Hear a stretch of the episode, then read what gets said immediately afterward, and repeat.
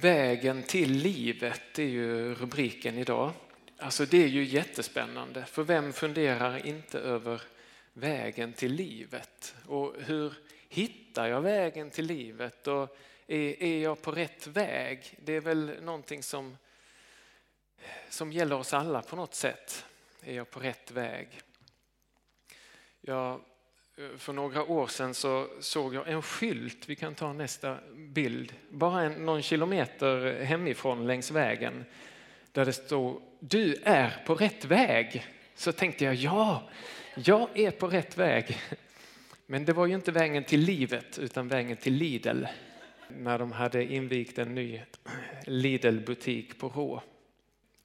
Och det finns ju jättemycket att säga om vägen till livet och kanske säkert mycket att säga om vad som inte är vägen till livet. Vi, vi kan ta nästa bild också, om, om ni ser ekorrhjulet som en del av oss har hamnat i. Jag tänker det, det är väl inte vägen till livet. För den, eh, man kommer ingen vart, eller hur? Man bara springer och springer och det går bara runt. Så det kanske, kanske man skulle kunna konstatera att det, det kan inte riktigt vara vägen till livet. Man kommer ingenstans. Och jag tänkte att vi, vi bara skulle göra, jag vet inte om ni fortfarande har evangelietexten med er nu, men jag tänkte att vi, vi gör tre, tre nedslag i eh, vad Jesus, vad Jesus sa. Och jag tror att det liksom kan ge lite olika aspekter av, av eh, vägen till livet. Så vi, vi tar, nu ska vi inte ha fler bilder, utan vi tar den här, ni får det framför er, tre, tre nedslag. Ehm, och eh, om ni, om ni tappar tråden under tiden så kan ni titta eh, på bilden igen och se om ni hittar igen den eventuellt. Men vi börjar med det första, det första som Jesus säger här det är känn ingen oro. Och sammanhanget är det att Jesus har tvättat sina lärjungars fötter, eh, ätit en måltid tillsammans med dem och sen vet han ju att han snart ska dö. Och han måste ju förstå också att, att detta kommer innebära att lärjungarna kommer bli alldeles förtvivlade när han dör. Och ändå så säger han då, känn ingen oro. Och jag kan, jag kan tycka att det kanske är lite, lite opsykologiskt egentligen. Alltså om, om, det kommer, om ni har en god vän som kommer till er och säger, jag, till exempel, jag, jag känner mig ledsen. Alltså då säger man väl inte, känn inte så. Eller hur? Det är, alltså, man känner ju det man känner och man har väl rätt till sina känslor, eller? Eh, så jag kan tycka att det är lite konstigt att Jesus säger så, känn ingen oro, som att han ska bestämma vad vi ska känna. Eh, och så tänkte jag, men är det verkligen det han säger? Eh, så jag gick och kollade grundtexten då. Och egentligen så, vi, vi tror ju att Jesus talade arameiska, så att vi vet ju inte riktigt vad han sa. Men det som Johannes skriver på grekiska den, I den meningen så används ordet kardia. Och det känner vi igen ifrån kardiolog till exempel. Ja, det har med hjärtat att göra. Eh, Jesus talar om hjärtat. Och en kanske lite bättre översättning menar en del än känn ingen oro. Det är var inte oroliga i era hjärtan. Ungefär så. Var inte oroliga i era hjärtan. Och då kan jag tänka lite så här att ja, jag, jag är en person som bekymrar mig ganska mycket, oroar mig ganska mycket. Så, där. så ja, men det får kanske vara så. Um, annars, annars blir man ju nästan orolig för att man oroar sig. Det känns som att man ibland skulle vilja gå till en psykolog och säga jag, jag är lite orolig för det här med att jag oroar mig så mycket. Men, men för att det inte ska bli så så kanske man får bejaka att ja men okej, okay, det är så jag känner. Jag bekymrar mig och jag oroar mig. Men det kanske inte behöver få fäste i hjärtat. Det har ju sina fördelar att bekymra sig ibland för då kanske man får någonting gjort. Men det behöver inte få fäste i mitt hjärta, liksom i den jag är och i mitt innersta. Så kanske är det lite det Jesus menar. Och sen ger han också en motivation till det här, att, att vi inte ska låta oron få fäste. Nämligen, han fortsätter och säger, tro på Gud och tro på mig.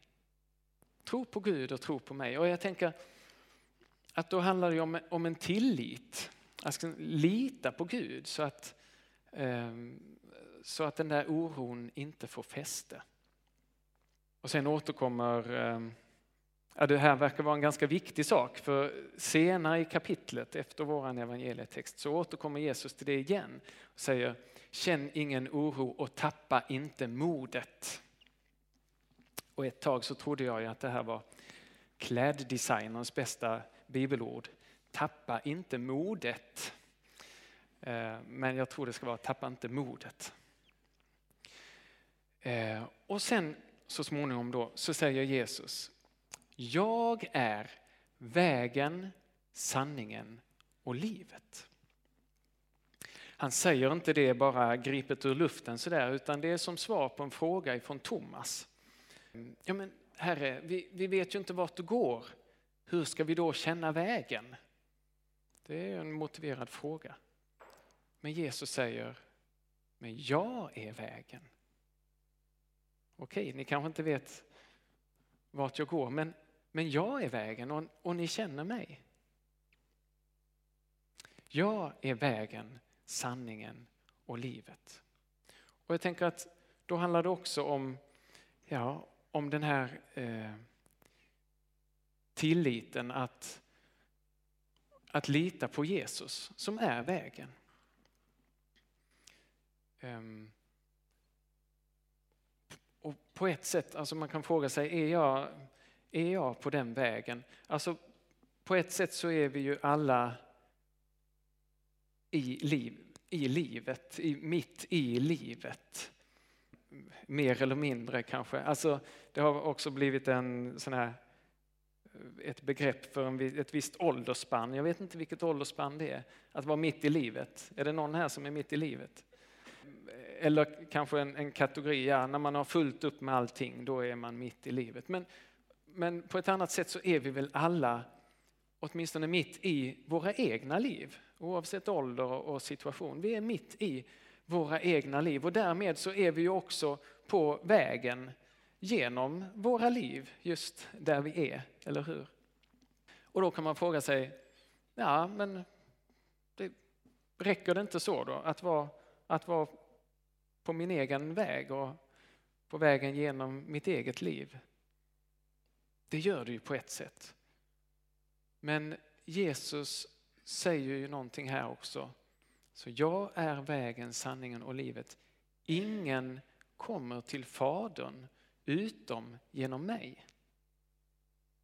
Så det är någonting speciellt med den vägen. Jag är alltid på min egen väg, jag är, jag är alltid mitt i mitt liv. Men Jesus är vägen till Fadern. Ingen kommer till Fadern utom genom mig. Och när Jesus talar om Fadern, så är, alltså i nästa andetag så säger han att jag, jag är i Fadern och Fadern är i mig. Men det är väl hans sätt att, att tala om Gud helt enkelt. Så att vara på den vägen är inte bara en väg till en mänsklig gemenskap med Jesus utan till en gudomlig gemenskap för Jesus är i Fadern, Fadern är i honom. Så Jesus är vägen till Gud.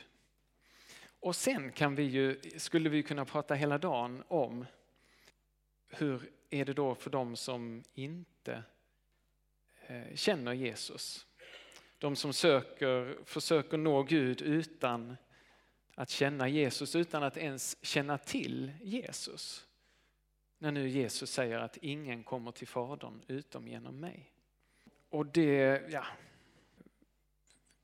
Vill ni att det ska hetta till vid kyrkfikat sen efteråt så kan ni kanske ta upp den frågan. För det, det skulle vi kunna diskutera mycket. Men, men Jesus är i alla fall vägen till, till Gud, säger han. Och det är ju stora anspråk. Ja, och på tal om det, ni, ni får gärna liksom ge respons, eller ni får gärna vara med eh, och säga om det är något som ni eh, ifrågasätter av det jag säger eller om ni, om ni har någon fråga eller så. Bara, bara prat, räck upp handen om ni vill. Men det var i alla fall, jag är vägen, sanningen och livet. Eh, sen kommer vi till det sista här, att be om något i mitt namn. Hur var det Jesus sa? Om ni ber om något i mitt namn så ska jag, så ska jag göra det. Det är ju också ganska stora anspråk. Och stämmer det? Har, har, ni, har ni försökt? Är det alltid så? Om man ber om något i hans namn så, så blir det så. Eh, det är också en stor fråga. Eh, jag lärde känna en man för ganska många år sedan som, och vi började prata om det här med bön och så. Och så sa han, ja det var, det var några år där på 80-talet som jag hade 100% i utdelning på mina böner. Va? sa jag. Är det sant? Eller vad, vad menar du? du? Du bad och så blev det så? Eh, all, I 100% av fallen? Ja, ja han, han menade det. Eh, så pratar vi lite vidare och, och, så förklarar han så här, ja men det var så här att jag, jag, levde, jag levde nära Gud. Han hade väl liksom den möjligheten tydligen några år på 80-talet. Eh, att, att leva nära Gud, prata mycket med Gud och liksom hamna i någon slags samklang med, med Gud och med Guds vilja. Så man kan ju säga att det det som han ville, det, det, var det som Gud ville. Det som Gud ville, det var det som han ville. Och det är klart att det påverkar ju hans böner. Det, så det var väl inte så att han med sina böner påverkade Gud jättemycket kanske, utan på andra hållet. Det, det är ju så med bön, det är en, en dialog.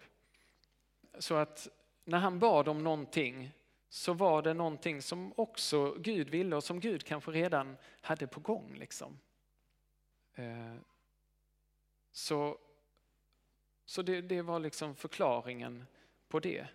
Och att be om något i Jesu namn, det kan ju vara så att vi, eller så, så har det varit för mig och är för mig ibland, att jag, jag ber om någonting och så lägger jag liksom till i Jesu namn, amen.